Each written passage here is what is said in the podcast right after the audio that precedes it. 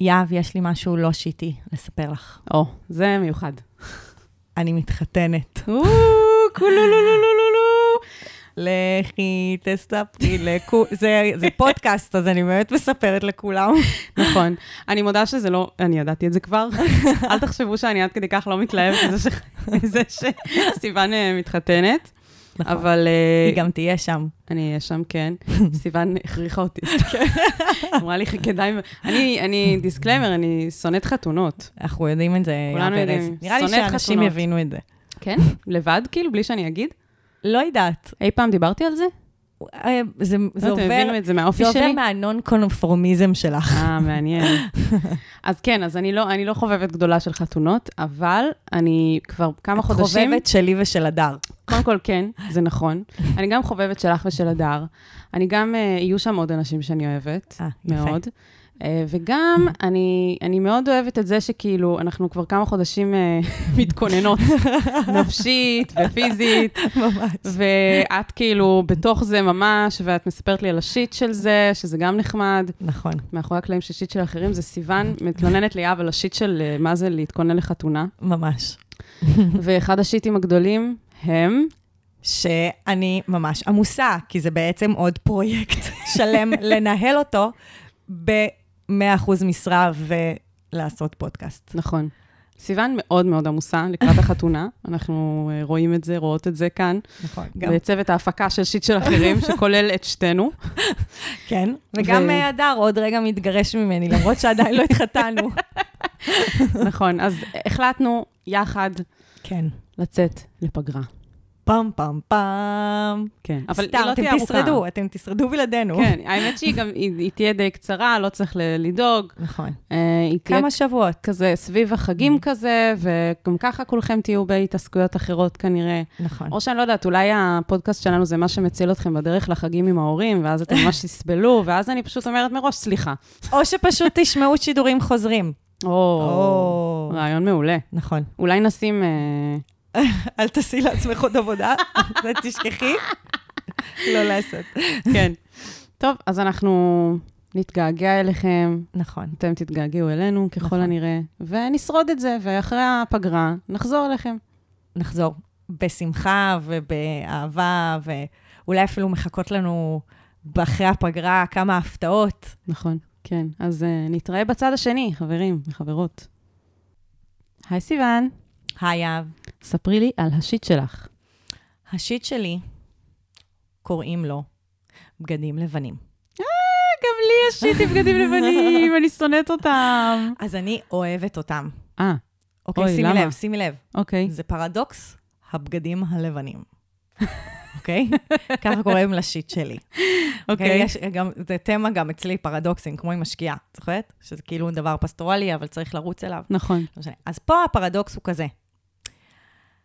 אני חושבת שלהיות לבושה בלבן, יש בזה משהו צחור ויפה, וזה תמיד קצת חגיגי, וזה מאיר, ו, וזה כזה ממש כזה, כאילו גם כשהלבן הוא כזה טייד כזה, ואת כזה, פרסומת, ואת כזה נראית כאילו, זה, זה תמיד נותן לך, זה, זה גם, זה מתאים לכל סיטואציה, זה, זה נותן איזשהו מראה כזה רגוע, אצילי, כאילו, אני עפה על הבגדים הלבנים שלי. אוקיי, עם זאת, הם כל הזמן מתלכלכים. ברור, והכי רואים את זה, כי זה לבן. וזה, כל מה שאני מתעסקת בו, זה א', להיות בחרדה שאני אלכלך אותם, ואז להיות בחרדה להוריד את הכתם, ואז לא להצליח להיות, להוריד את הכתם ולכעוס על עצמי. אני בכעס, אני כועסת. על עצמי שאני לכלכתי ואני חסרת אחריות. עכשיו, אני באה כבר עם העצה. היא מספרת את השיט ואומרת לעצמה את העצה. פעם אמרתי את זה לאחותי. א', אני, כאילו, יש לי דודה שכל הזמן הולכת עם בגדים לבנים, ולא מזמן אמרתי, זה כאילו ברמה שהיא לא לובשת כאילו צבעים אחרים, חוץ מחולצות לבנות, כאילו, כל הארון של חולצות לבנות. וואו. אני הגעתי לזה בגיל המאוחר, אבל אני היום מבינה אותה. וכאילו, אחותי אמרה לי, פשוט צריך להשלים עם זה, שככה זה בגדים לבנים, ופשוט צריך כל הזמן להחליף אותם. כן. אוקיי, זה לא הפתרון. הפתרון זה שאת מבינה שהבגד הלבן שאת קונה, הוא לא, לת... או שאת רו- מקבלת, הוא לא לטווח ארוך. זה מה שאת צריכה להבין את זה, זה לא אקולוגי בסדר. אה, זה בדיוק מה שבאתי להגיד. אבל, אבל לא משנה, אני שנייה שמה את האקולוגיה את בצד. הערכים שלנו בצד, אני, יהב. אני רוצה לשים את התחושות של הרגשות אשם על זה שאני מלכלכת. כי כן. כאן בעצם יש אמפתיה וחמלה לעצמי, כי בעצם כולם מלכלכים את החולצות שלהם כל הזמן. נכון, רק שעל בגדים כהים יותר פחות רואים את זה. נכון. בגלל זה הפתרון מבחינתי זה פשוט לא ללבוש לבוש. לבן וגם לא ללבוש בהיר. בסדר, את מבינה? אבל את, אני יכולה להבין את הגישה הזאת ששמה אה, את האקולוגיה לפני המראה החיצוני שלה. את היעילות, כי, כי אין לי כוחות ללכת ולקנות כל פעם עוד בגדים. פשוט בא לי שיהיה לי את הבגדים האלה, וזהו, והם יחזיקו מעמד הרבה, הרבה זמן. אני מבינה אותך, ועם זאת, אני לא יכולה לוותר על המראה הצחור, אותו אני מרגישה. זהו, אני גם באמת ממנו. מרגישה שאני לא נראית טוב בלבן ובבהיר, כי בגלל שאני בהירה. Mm. זה כאילו הפאק שלי עם עצמי של כאילו, אני יכולה ללבוש רק כהה, אז אני חושבת שלכולם זה מחמיא לבן. כן? שוב, לא כל לבן, כן? אבל... וגם, בסוף, אם את כזה עושה הרצאה, או את צריכה להיראות רשמי וזה, אין, לבן לפעמים פותר את כל הבעיות. באמת. נכון. זהו. זה השיט שלי על הלבן. אני... תספרו לנו אם זה פוגש גם אתכם. זה מצחיק. יפה. עכשיו, את יודעת מה יהיה? את תקבלי טיפים מכל הקבוצה הזאת של הכביסה, של יואו. הטיפים של הכביסה. אני? אשמח שהם יגיעו, ששיט של אחרים וה- ואוהבי כביסה הצטלבו, יצטלבו ביחד. חלום חייך. ממש. כן, רפרנסים בפרק 154, חברים, מי שלא שמע. הופה, איך היא שולפת את המספר, אנחנו אף פעם לא זוכרות מספרים. כן. יפה. טוב, אז אנחנו כאן, בשיט של אחרים, יוצאות לחיים עצמם, הפודקאסט שפשוט אה, משפר לכם את החיים משמעותית. אה, אני יהב ארז, זאת סיוון לוטן כאן איתי, ואנחנו מנסות לענות לכם על הפניות שאתם אה, נותנים לנו באנונימיות, על השיט שלכם, ולתת אמפתיה, ולעזור, ולתת איזה טיפ שווה, וככה, ממשיכות. כבר התחלנו עם טיפ. נכון. נתחיל? נתחיל. אני ממש צריך עצה. אני ממש צריכה את זה. מה אני יכול לעשות במצב כזה?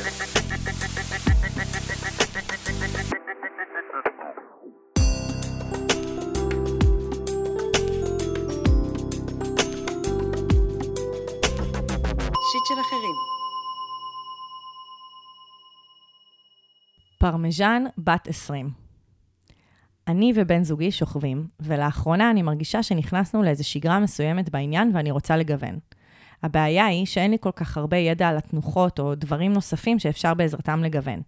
אני מרגישה סוג של שעמום מהסקס. באילו דרכים ניתן לגוון? יפה, הגעת למקום הנכון, פרמיז'ן היקרה, אה, כי אנחנו פה עם סיוון לוטן, המומחית לענייני כל מה שקשור למיניות. אפילו יש לי הרצאה שקוראים לה גיוון הוא שלמות. אה, וואו. כן. באמת? כן. מה, תשימי לינק, מן הסתם. כן, למה? להרצאה. זה לא- זה לא הצ- זה לא זה צולם? לא צולם. אה, אז אני מזל יכולה- ש- אז מזל שיש לך אה, כאן את ההזדמנות נכון, לדבר על זה. נכון. את רוצה להגיד על זה משהו? וואלה, אני אגיד לך את האמת, סיוון. אין לי מושג. צריך לפעמים להודות. את יודעת, אנחנו כאילו יודעות קול כזה, עושות... אה, דיברנו על זה פעם, שאנחנו נורא נחרצות גם. אנחנו תמיד יודעות מה לעשות ומה להגיד ואיך לעזור. ולפעמים יש פניות שאני אומרת, וואלה, לא יודעת מה להגיד, אני כן. פשוט לא יודעת מה להגיד. כאילו זה... סיוון יודעת. זהו, נראה לי שאם אני לא הייתי בפודקאסט, את היית, את היית יוצאת מעצמך אה. ומנסה לעזור. כאילו, ומנסה כאילו, למצוא מה אני להגיד. נשענת על הידע. שלך. זה נכון. זה בסדר. אז זה, זה מרחב בטוח להישען בו. לא, גם. לפעמים אני יודעת ש... תודה. לפעמים אני יודעת שגם uh, את תבואי עם כל כך הרבה מחקר שעשית, ואנשים שהתייעצת איתם. זאת אומרת, בואי נחסוך. בזמן. נחסוך בזמן. כן, בשביל מה? גם ככה, את יודעת, ש- שמה, שסתם יהיה פרק ארוך ומייגע? עזבי, יהב, לסיוון יש מה להגיד, שחררי. אני מבינה, אני מבינה. ובאמת, כאילו, אני חייבת להגיד שגם אני לא הייתי צריכה כל כך להתאמץ, כי באמת, אני עשית עושה על זה את זה... הרצאה. כן, אני עוש- מה- זו ההרצאה הראשונה שעשיתי בחיים. אה, באמת? כאילו, הרצאה כאילו על במה בבר כזה. אה, זו ההרצאה שלי של הצעצועים. מעניין. שהיא לא, מת... לא מתייחסת רק לצעצועים, אני כמובן לא אגיד, התשובה היא צעצועי מין, לא. זהו, אז יש לנו פה ספוילר, שצעצועי מין זה חלק מהעניין. זה שאת חלק. זה חלק. אבל קודם נבין מה הם מסמלים. אוקיי. וואו, פעם, פעם, פעם. קודם כל, אני רוצה לה... להתייחס לזה שהיא אמרה, אני לא מכירה תנוחות.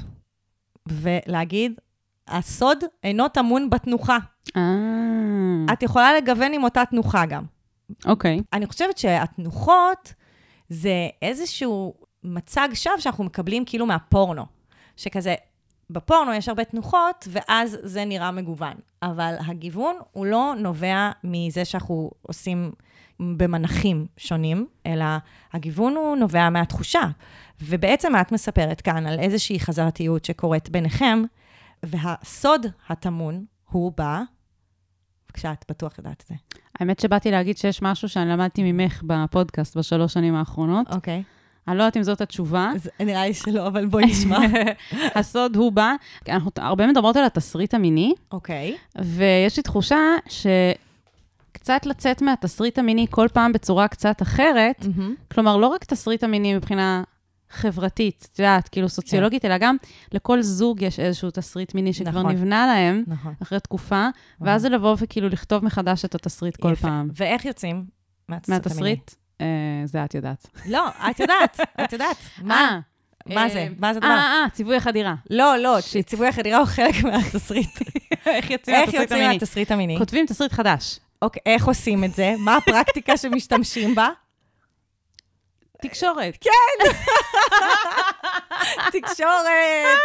שזה בעצם, הפודקאסט מבוסס כולו על על תקשורת. תקשורת. ממש ככה. יפה. כאילו, לא חשבתי להגיד את זה, כי חשבתי שאת מדברת על איזה מתודה זה ספציפית. ברור. אוקיי. כי זה כל כך בסיסי, שאנחנו לא חושבים על זה. את זה. הנה, נכון. גם היא, היא שכחה. היא אמרה, איזה תנוחות, תנו לי תנוחות, איזה תנוחות, זה לא יעזור, אני אתן לך תנוחה, תעשי את זה בדוגי הפוך, מה זה, מה זה משנה? העניין הוא תקשורת, וקודם כל, השיח ביניכם הוא הגיוון. כי כל אחד מביא את עולמו הפנימי, וכל אחד מביא את הרצונות שלו והגבולות שלו. בעצם מה שקורה, שכשאנחנו לא מתקשרים, אנחנו חוזרים על עצמנו. מצאנו איזה משהו שעובד לנו, ואז אנחנו נמצאים בו.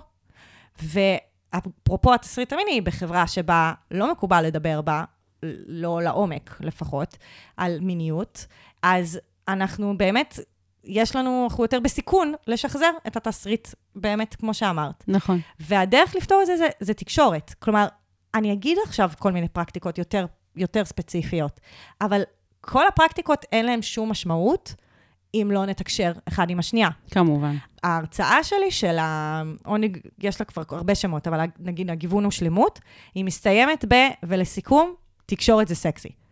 כי כאילו, שום דבר לא נוכל לעשות ללא התקשורת. ואני שמה שם קטע מהסדרה Friends with Benefit עם ג'סטין טימברלייק ומילה קוניס, אוקיי.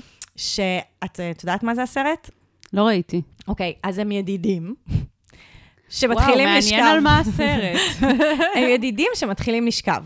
מהמם. ובגלל שהם ידידים והם לא בני זוג, אז הם כאילו, התסריט המיני לא תקף עליהם, והם מתחילים להגיד כל אחד מה נעים לו ומה הוא רוצה ומה היא רוצה ומה זה, ופשוט יש שם סצנה שלמה שהם אומרים אחד לשנייה, מה, כאילו, תיגע פה, תיגע שם, תעשה ככה, תעצור את זה, מה, מה אתה עושה? תעשי ככה, תעשה ככה. מה זה המסר הזה של כאילו קומדיות רומנטיות, שכאילו אם, רק אם אתם לא, נו, ידידים, אז אבל- אתם יכולים כאילו לתקשר מינית, את מבינה? בסדר, ברור, אבל אה, כאילו, ב- ב- עוקפים את זה, כאילו, כן. מדברים על זה, אבל זה מושלם. כאילו, זה, הסצנה היא מושלמת. אוקיי. ממש. גם יש שם איזה קטע שהוא כזה, אני חייב לעשות סקס עם גרביים, אני לא יכול לא, לא להוריד את הגרביים, כאילו, יש שם קטע שלם.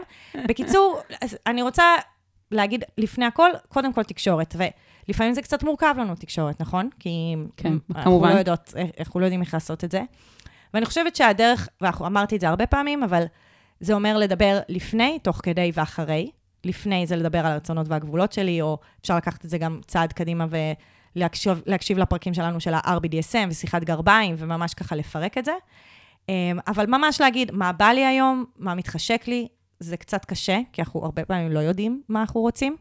אפשר שזה יהיה רק סביב גבולות. אמ, היום אני לא רוצה לעשות מין אוראלי, או מהמם. היום אני לא רוצה לעשות חדירה, שכמובן, אנחנו יכולות לעשות כל פרק הזה רק על אם תורידו את החדירה, כמה גיוון ייכנס בתוך החיי הימין שלכם, הופה.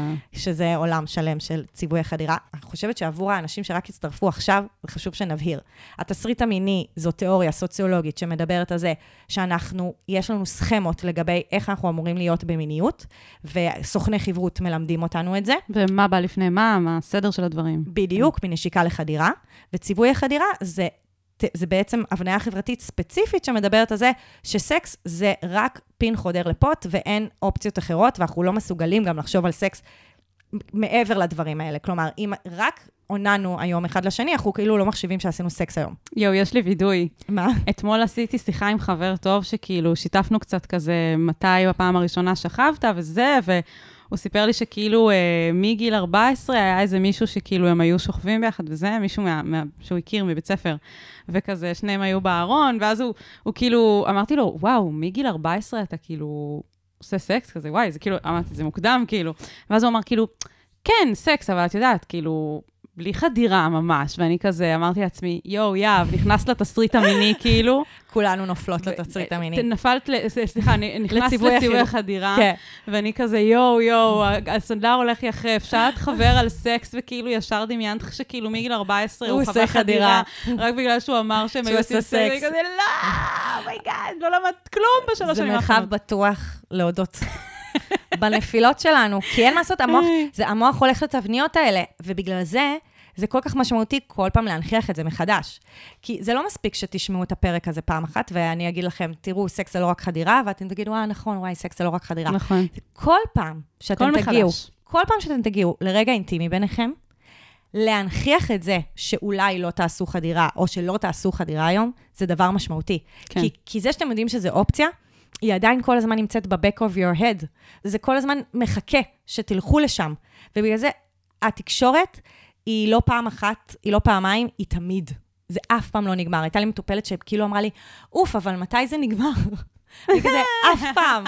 לעולם זה לא ייגמר. מעולה. התקשורת המינית שלכם תהיה לעד. אגב, זה לא רק התקשורת בין פרטנרים מיניים, זה גם זה שכאילו, סתם ניהלתי שיחה עם ידיד, והוא שיתף אותי במשהו, ואני כאילו הנצחתי את הדבר הזה שאנחנו כל הזמן מדברות עליו, שהוא, שהוא נורא חברתי בסופו של דבר, ואני כאילו השתתפתי בזה. אז אמרתי, יאב, תפסיקי לדבר על זה ככה עם אנשים, עזבי את מה שאת עושה עם אנשים.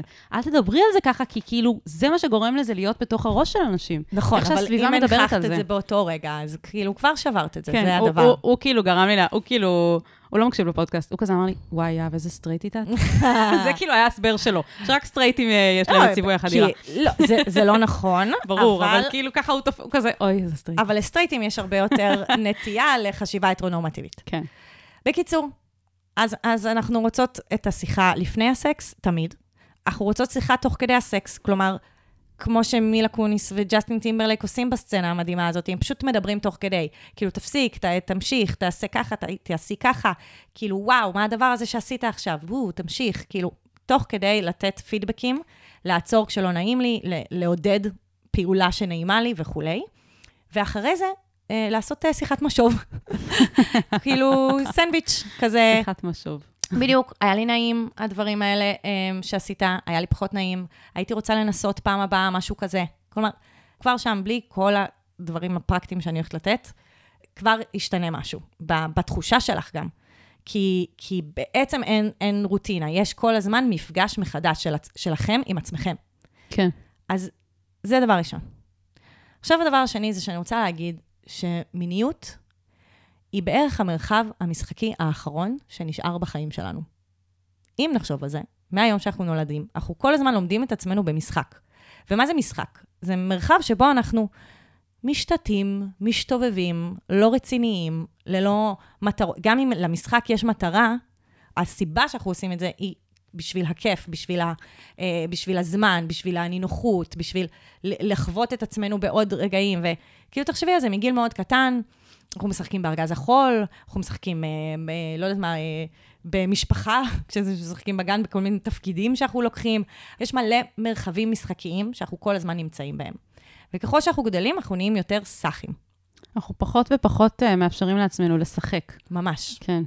ובעצם, המרחב המשחקי האחרון שנשאר בחיים שלנו זה המיניות. כי מיניות היא, היא, היא זמן כזה שאנחנו יכולים להשיל את הפרפורמנס שלנו, להשיל את הדמויות האלה, הרציניות, שחותרות למטרה, שעושות משהו, ואנחנו יכולים לחזור להיות ילדים, ואנחנו יכולים להיות כזה, להיות קטנים, ו- ו- ולהתכנס לתוך עצמנו, ולהיפתח, ולהיות שונים ממה שאנחנו בדרך כלל, כאילו זה, יש שם המון פוטנציאל. אממה, כן. הבניות חברתיות. או... שהורסות בעצם את המרחב המשחקי. הן לא Mm. מאפשרות למרחב האחרון, שנשאר משחקי, כאילו, הוא לא אחרון באמת, כן? אם אנחנו דואגים לזה שיהיו עוד מרחבים משחקיים נכון. בחיים שלנו, זה יקרה. אבל כן. עקרונית, אצל אנשים שכאילו התבגרו, והם משלמים משכנתה, והם הולכים לעבודה, אז מיניות זה המרחב המשחקי האחרון שנשאר לנו, אבל אנחנו לא מסתכלים עליו כמרחב משחקי, כן. והוא הופך להיות עוד מרחב שיש בו מטרות. הישגי. הישגי, חלק חדירה מהעולם וגמירה. הקפיטליסטי שאנחנו חיים בו, שבו כל דבר צריך להיות לו מטרה של הישג. בדיוק. בעצם. אז הישגים שם זה חדירה וגמירה. כן. שאנחנו חייבים שיהיו את שניהם.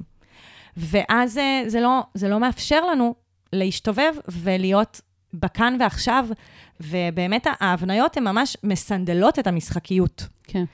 אז כבר לשבת, לתקשר, ולתקשר את ההבניות, ולשים אותן על השולחן, ולאפשר לנו לאט-לאט, אגב, זה גם תהליך.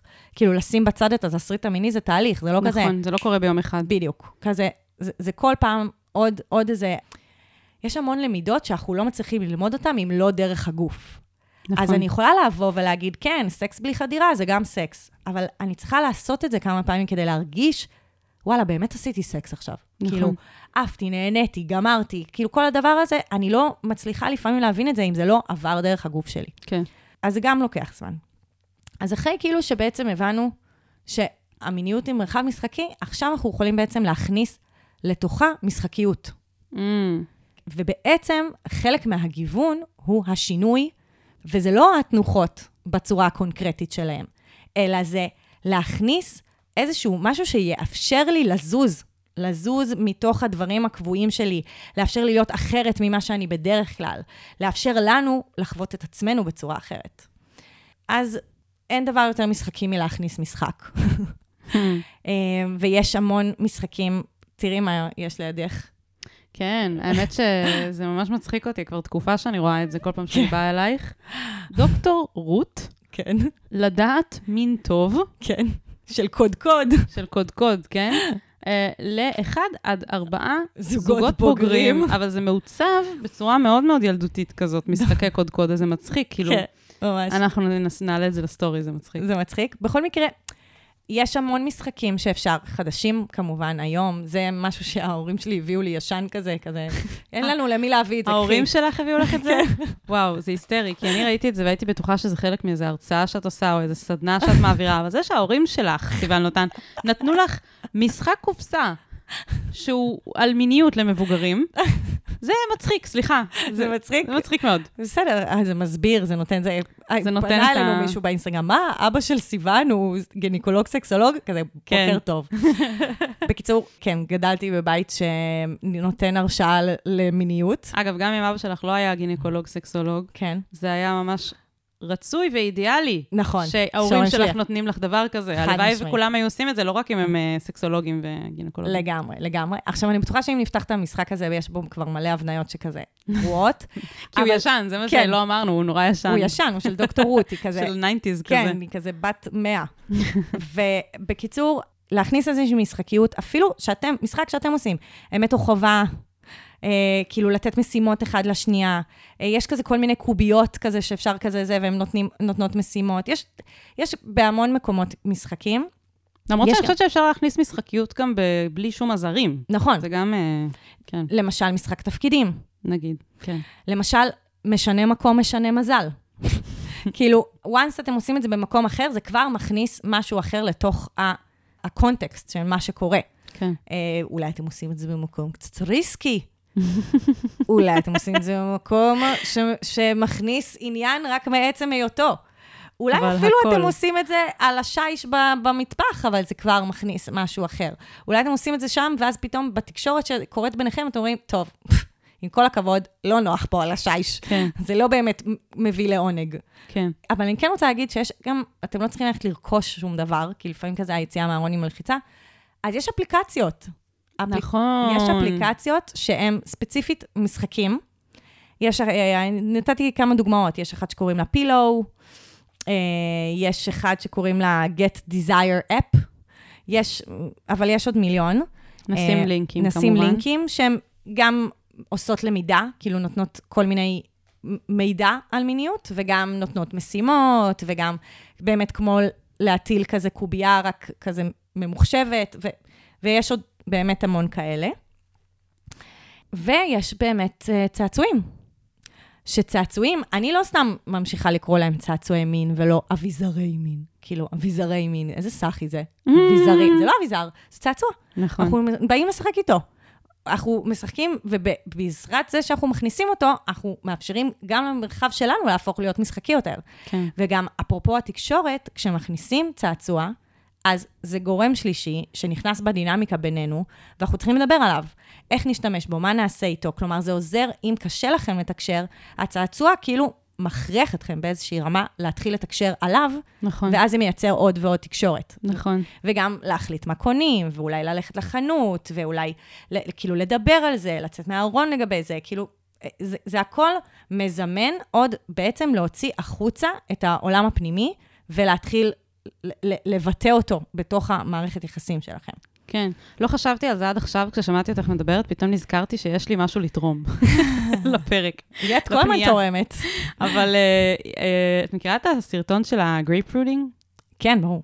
אז uh, זה מדהים, כי זה בעצם, היא כאילו מומחית uh, עולמית, האישה הזאת כאילו מומחית עולמית לכאילו איך להכניס uh, אוכל לתוך סקס, זה כאילו מהמם. הקטע שלה, והיא מראה כל מיני דברים שאפשר לעשות, כאילו מעבר לכזה קצפת על הפטמה וללק... לא, כאילו מלא דברים, והקטע הזה עם ה grapefruiting, תשמעי, א', זה מטורף, ב', זה כאילו, זה מדהים, כי את לא היית חושבת על זה בתור משחק כשאת רואה את זה, אבל זה זה. מה שזה.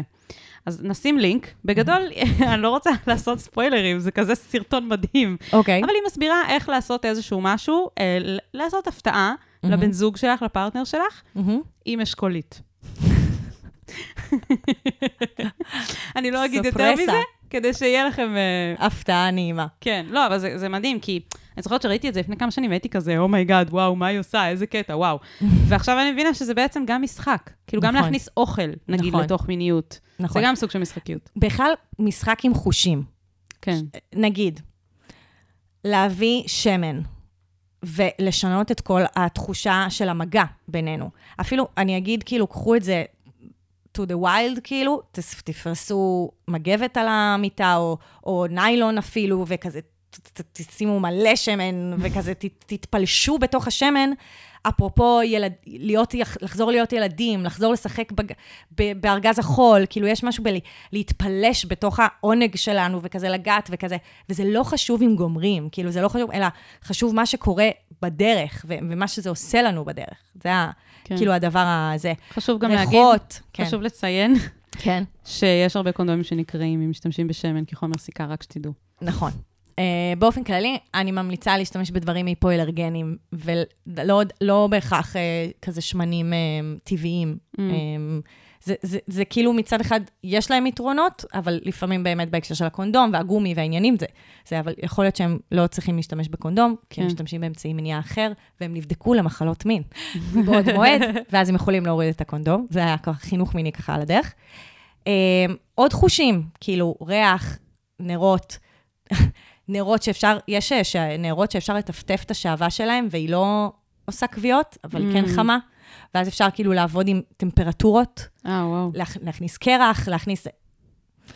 עולם ה-BDSM, שזה עולם שלם שכאילו, אני לא אכנס ואפרט עד כמה, אבל א', העולם הוונילי למד מעולם ה-BDSM את כל הנושא של התקשורת, של התקשורת Mm. לפני והגבולות והרצונות. כלומר, BDSM שם את יחסי הכוח והמשחקיות על השולחן, ואמר, טוב, בואו נעשה את זה כמו שצריך. נדבר לפני זה, נדבר אחרי זה, נדאג אחד לשני אחרי זה. כלומר, המון דברים שלא מונחכים בסקס הוונילי, מונחכים בסקס ה-BDSMי. אז אפילו Mm. רק ללמוד את שיטות התקשורת. האמת שלא מזמן, דוקטור חגית רודריגז, שהיא לפעמים עוזרת לנו פה לענות על זה, נכון. היא שלחה לי מאמר של איך ונילים לוקחים פרקטיקות מ-BDSM ומשאילים את זה כאילו לסקס ונילי. Mm, אז ננסה לשים לזה רפרנס בפרק. מהמם. Um, וכמובן ש-BDSM מכניס עוד המון משחקיות.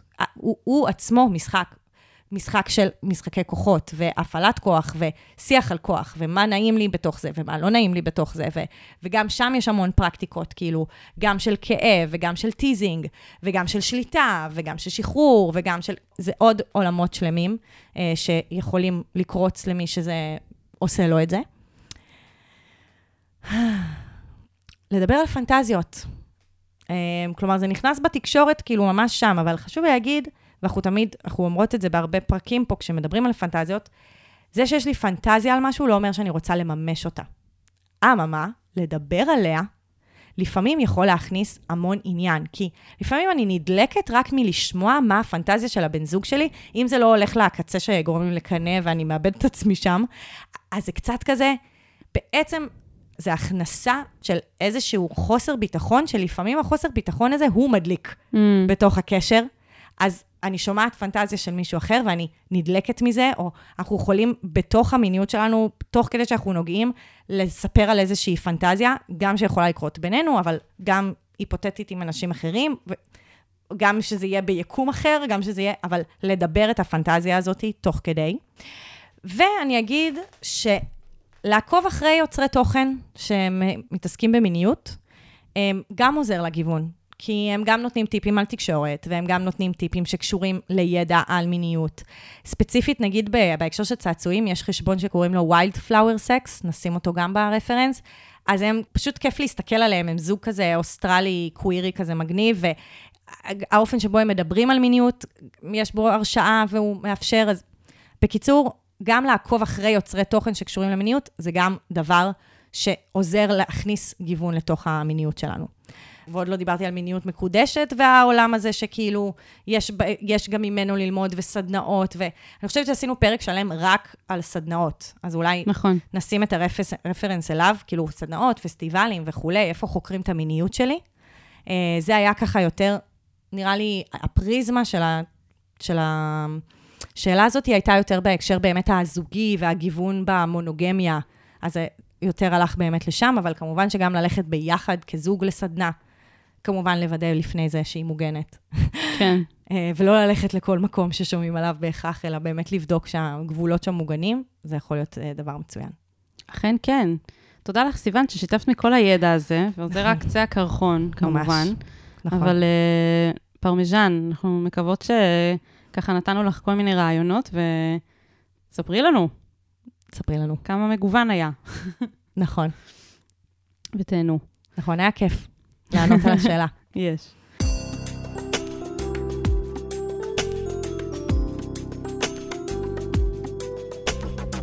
shit של אחרים. אז הפנייה הבאה שלנו היא מהאנה הורבאת', בת 25, כאילו, אם מישהו לא זיהה, oh my god, זה מבנות. מ Girls. yes. כן. אז uh, היא כותבת לנו ככה. אני מאוהבת בחבר טוב שלי, שהוא ביסקסואל, ושגם יצאנו פעם לפני ארבע שנים, למשך ארבעה חודשים, והכרנו דרך חבר משותף שעדיין חבר של שנינו. הייתה לנו אהבה ענקית וכימיה גדולה. עם זאת, הוא לא היה מספיק חם כלפיי אז, והרגשתי שלא מספיק חשוב לו להיפגש איתי או להביע חיבה ומגע בפומבי. נפרדנו כי הוא טס לטיול אחרי צבא, ולא רצה שאצטרף או שנהיה בקשר מרחוק, כי לטענתו הוא לא טוב בזה וזה יכביד עליו. אחרי שנה וחצי מהפרידה התחלנו ללמוד באותו תואר, והיה לנו מעגל חברים משותפים, אז התחלנו להתיידד שוב. אני הייתי בזוגיות חדשה שנמשכה עד לפני כמעט שנה, ודרך חברה משותפת גיליתי שגם הוא עדיין אוהב אותי וחושב עליי. מהר מאוד נכנסנו לחברות טובה, וזמן קצר לאחר מכן הוא יצא מהארון מולי כביסקסואל, דבר שאף אחד לא ידע לפניי. מאז הוא יצא בעיקר עם גברים.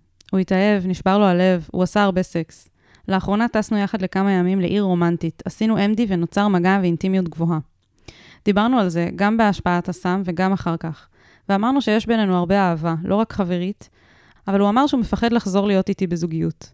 כששאלתי למה, הוא אמר שהוא אוהב את החופש שלו, והוא מדמיין את עצמו עם גברים. הוא אמר שחשב שהפרק עם נשים נגמר כבר, והעובדה שהוא נמשך לשני מינים מבלבלת אותו. אני מרגישה מאוד מתוסכלת, כי היה לי כל כך טוב איתו בחופשה. הוא מכיר אותי הכי טוב בעולם, וגם אני אותו.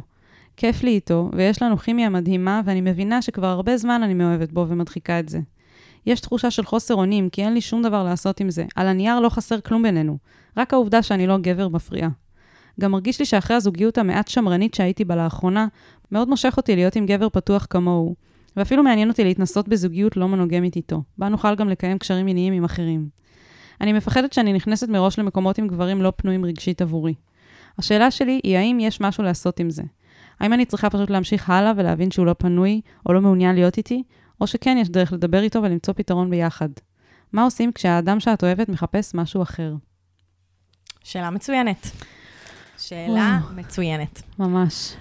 וזה כאילו פנייה בעצם שמענו אותה הרבה פעמים בפודקאסט, נכון? נכון. נכון? כאילו של אני רוצה ומעוניינת במישהו שהוא לא פנוי רגשית. כן יש כאן את הטוויסט של הביסקסואליות, מהמם. וגם, זו גם שאלה, אם אנחנו רוצות להתייחס לזה או לא רוצות להתייחס לזה, כי... ואנחנו נתייחס לזה. אבל בא לי גם להגיד, פשוט, הייתי יכולה לענות על השאלה הזאת באותה מידה גם אם הוא היה סטרייט, נכון? כאילו, כן. כביכול. כזה, הוא לא פנוי, הוא בחיפוש, הוא לא, הוא לא פנוי רגשית. מה אנחנו עונות למי שלא פנוי רגשית? אין מה לעשות, זה לא קשור למי הוא ומה הוא אוהב. זה גם לא קשור, בדרך כלל כשמישהו לא פנוי רגשית, זה בכלל לא קשור לבן אדם הזה, שהוא לא פנוי רגשית אליו. זה פשוט כאילו, הבן אדם לא פנוי רגשית, והוא אומר את זה. נכון.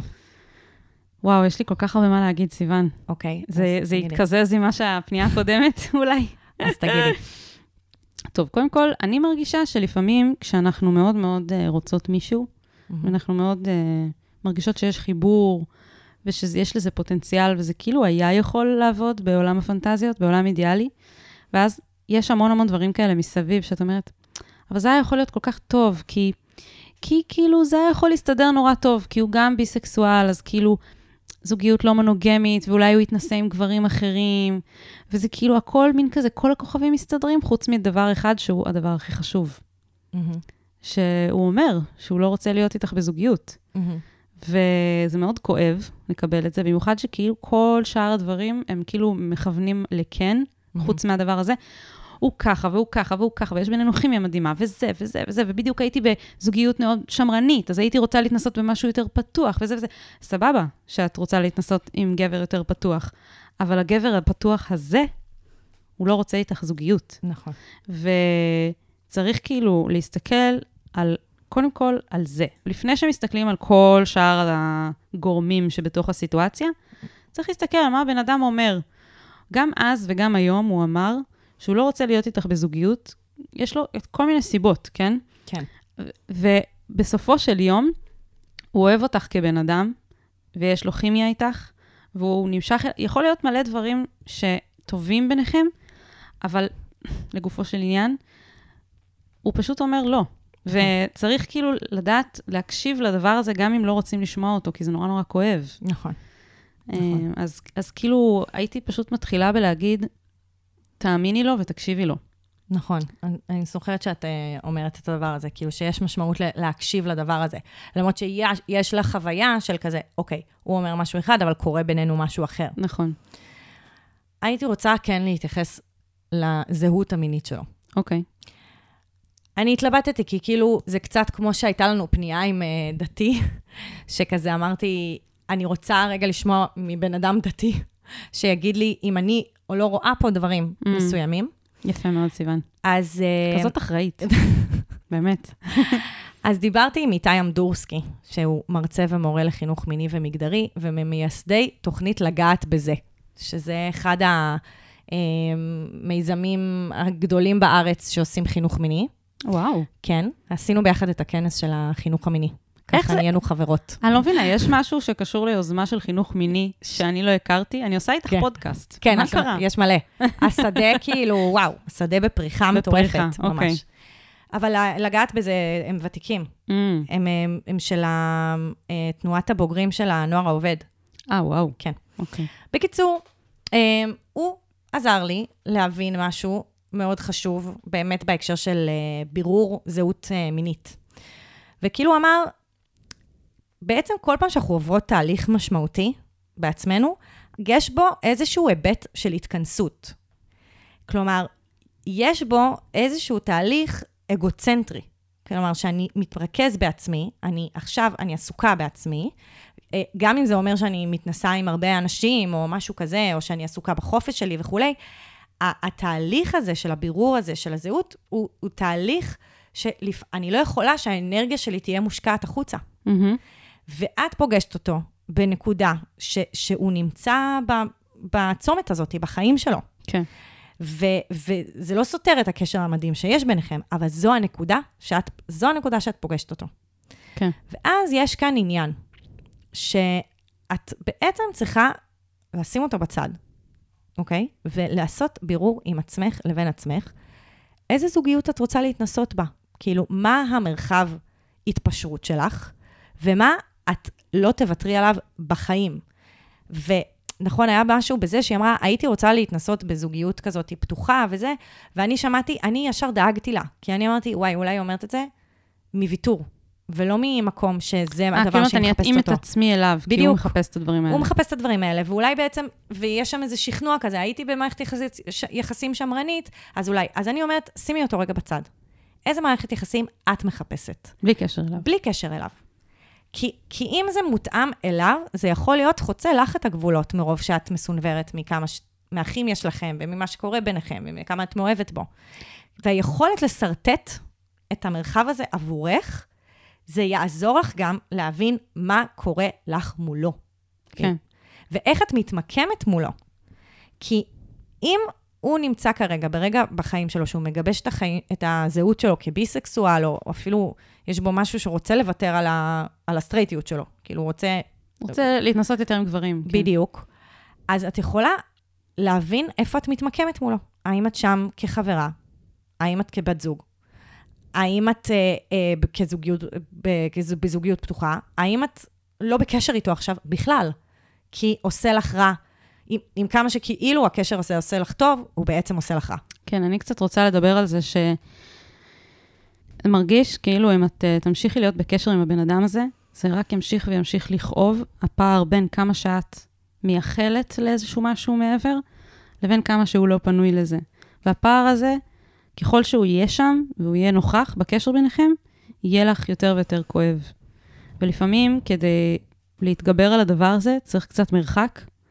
צריך ש- שאתם תעברו את מה שכל אחד עובר עם עצמו, עם אנשים אחרים, כדי לחזור ולהיות חברים, בלי שהפער הזה יושב ביניכם ו- ומכביד וכואב. כאילו, יש פה נכון. נקודה כואבת. אני, היא כותבת על זה בצורה כאילו שאני, אני באמת, ליבי יוצא אלייך. אני גם, יש בי נקודות של הזדהות עם הרצון הזה להיות עם מישהו, וכאילו שאין לך שליטה על זה. נכון. כי אם הוא לא רוצה, הוא לא רוצה, ו- ואז יש כאילו, זה, זה מחזיר אותך אלייך, אל עצמך, למקום מאוד מאוד uh, קשה. ואני גם רוצה להוסיף שהרבה פעמים אנחנו נפגשים עם אנשים בחיים שלנו, מהמם. שיכול להיות גם, אה, נגיד, סקס ממש טוב, יש כימיה, וברמה המינית כאילו יש משהו ממש טוב, ואז גם יש איזשהו חיבור אה, חברי מאוד טוב, שאכפת לנו אחד מהשני. והרבה אנשים חושבים ששני הדברים האלה ביחד שווה זוגיות. Mm, ואני רוצה להגיד, לא, זוגיות זה הרבה יותר מרק גם אני אוהבת את הבן אדם, וגם אני נמשכת. וגם אני נמשכת נכון, אליו, נכון. וגם יש בנו איזה חיבור כזה וכימיה טובה. זוגיות זה מחויבות לפני כל דבר אחר. מהמם. זה מחויבות שאנחנו כאן ביחד בדבר הזה, אנחנו יחידה זוגית. מהמם. וזה הדבר, זה הדבר שהוא כרגע אומר שהוא לא מעוניין שם. בו איתך. כן. איתך או עם מישהו. מהמם. אבל כאילו, אם זה הדבר שלא מעוניין בו, אז כאילו, זה, ה, זה העניין, ו, וכל השאר הוא משני נכון. כדי לנהל זוגיות, וצריך לזכור את זה. וזה קשה, כי זה מסנוור. נכון, התחושות בדיוק. שלך כלפיו מסנוורות, ואז וגם, וה-MD אוי אוי אוי, כמה הוא נכון. מסנוור. כן? רציתי קצת לדבר על זה באמת, שכאילו, לפעמים אה, ה-MD הוא באמת, אני לא אומרת שזה הכל בגלל ה-MD, ממש ממש לא. מהמם. אבל צריך גם להכיר בזה שהרבה פעמים החומר הזה, הוא, הוא חומר שפשוט גורם לאנשים להרגיש מאוהבים. זה נכון. חלק מהאפקטים שלו. נכון. זה כיף, זה נורא כיף. וגם אם הייתם באמת מאוהבים פעם, או שיש ביניכם באמת חיבור אמיתי, גם ביום-יום, לא רק בחוויה הזאת, זה לא אומר שהחומר הזה לא העצים איזשהו משהו שכבר היה שם, וגרם לזה כאילו להרגיש כמו משהו, נקרא יותר לזה, בהווה. יותר בהווה, יותר גדול, יותר נוכח ממשהו בפועל, בלב של שניכם. מהמם. וזה בסדר לעשות את זה, ולהיות באיזשהו סטייט ביחד לכמה שעות, יש איזו אהבה נורא גדולה, אבל זה לא בהכרח אומר שזה המצב לאורך זמן. כי, כי כמו שהוא אומר, את, את מה שאתם חוויתם ביחד בטריפ של ה-MD, הוא לא מעוניין בזה מהמם. בשאר הזמן. הוא כנראה לא. מעוניין בזה באותו רגע. לא, זה, לא, זה בדיוק לא זה. כאילו, את אומרת, הוא לא מעוניין במחויבות. כן. הדבר הזה שהוא הרגיש, זה, כנראה זה פגש גם אותו, כאילו, בזמן כן, ה-MD. כן, כן. זה הדבר שכאילו מבלבל את שניכם. נכון, אבל אז, כשאתם פוגשים את המציאות, אז ה-MD הוא לא מספיק.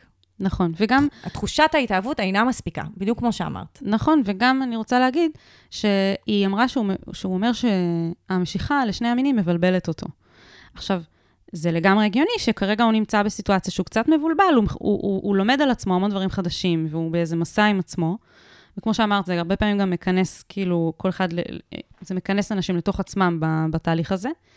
אבל זה שהוא קצת מבולבל, אני הייתי מאוד נזהרת לא לקחת את זה למקום של, הוא מבולבל, אז בעצם כאילו אני יודעת שאני רוצה אותו ושיהיה לנו טוב ביחד, ובגלל הבלבול שלו, אולי בגלל זה הוא פשוט לא באמת בטוח בזה, הוא רק צריך את הביטחון שלי, שאני אדבר איתו ואני אגיד לו, אבל אני יודעת שאנחנו נועדנו להיות לא, ביחד. הבלבול הוא מה שעומד ביניכם.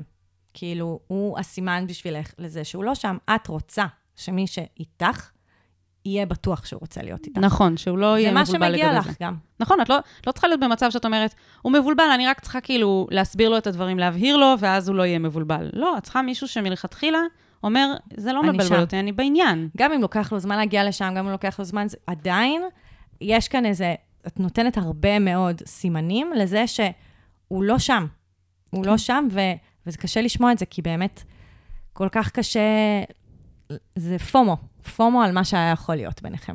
כן, לגמרי. זה, אני, אני שומעת באמת הרבה, את אמרת את המילה הנכונה, פומו, כי הוא אומר, היא אומרת כאילו, אה, אה, האם להמשיך הלאה ולהבין שהוא לא פנוי או לא מעוניין להיות איתי, או שכן יש דרך לדבר איתו ולמצוא פתרון ביחד. המילה הזאת, כאילו, למצוא פתרון ביחד. כאילו קראתי את זה ואמרתי לעצמי, אבל זה לא פאזל שצריך למצוא איך לסדר אותו. זה או שבן אדם אינטואיט או שלא. ו- ופה יש כאילו איזו תחושה כזאת שכאילו, רק צריך לסדר את זה, כי הרי כל התנאים מתאימים. לא, וגם היא באמת, וב, וזה החשש שהרגשתי כלפיה, ש, שחלילה לא תכופף מעצמה ומה, ומה, שלה, רק בגלל... בגלל שכל התנאים מתאימים כן. כביכול. כן. בדיוק. כן, אז אה, זה פנייה קצת, אה, אה, למה זה קשה לנו? למה אנחנו כאילו ככה, זה, כי, כי בעצם אין לנו, אין לנו פתרון, זה, זה, זה להגיד, כן, התחושות אבל תמיד אין שלך... לנו פתרון. נכון, אבל אני מרגישה... חוץ מהגיוון מלפני זה. כן, זה היה, את הבאת פתרון רציני. אני מרגישה שכאילו, הפתרון שלי זה להגיד, כאילו, כן, את צודקת בשאלה שלך, ש- שאת צריכה פשוט להמשיך הלאה. ו... ו- לא, לעשות- את, את צריכה לבדוק, אני חושבת שהתשובה היא לשרטט את, את הגבולות שלך עם, בינך לבין עצמך, ואז לראות איפה זה פוגש אותו. מהמם. כאילו, זה, זה להיות בקשר עם עצמך לפני שאת בקשר איתו ועם מה שקורה איתו. כן. לא יודעת, אני פשוט... אה, אולי אני משליכה קצת מעצמי, אבל זה כאילו מרגיש לי כמו מסוג הדברים, שזה, ככל שזה ממשיך הקשר ביניהם, זה רק ממשיך לכאוב יותר ויותר. מה היה יכול להיות ולא קורה. נכון. אה, אז אני אומרת, זה לא בהכרח, יכול להיות שזה לא מה שמתאים לכם, אבל כן יכול להיות ש, שכדי להתמודד עם הכאב הזה, על מה שלא לא הולך להיות, והיינו רוצים שהוא יהיה, זה קצת אה, מרחק. נכון. אה, אני אומרת את זה בזהירות, אבל אה, כן. אני אומרת את זה בזהירות בגלל סיוון. אני מסתכלת עליה במבט של, יאהב, לא להשליך דברים מעצמך.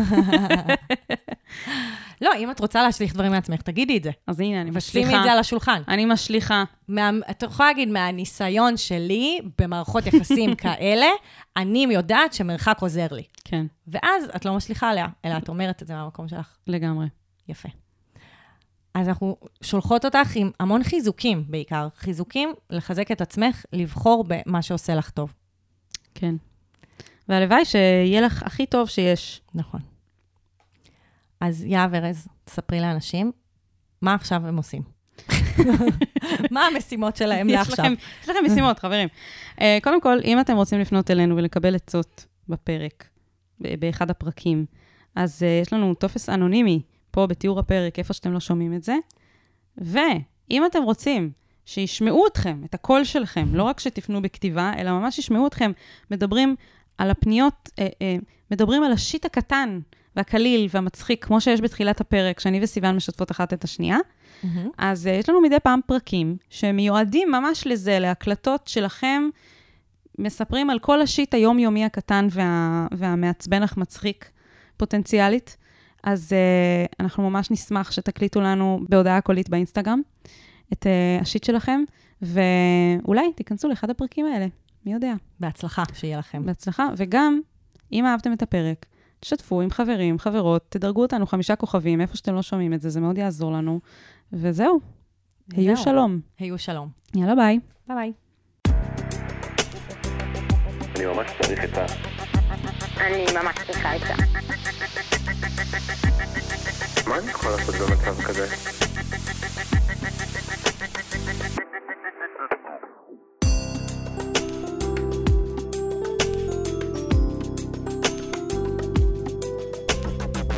של אחרים.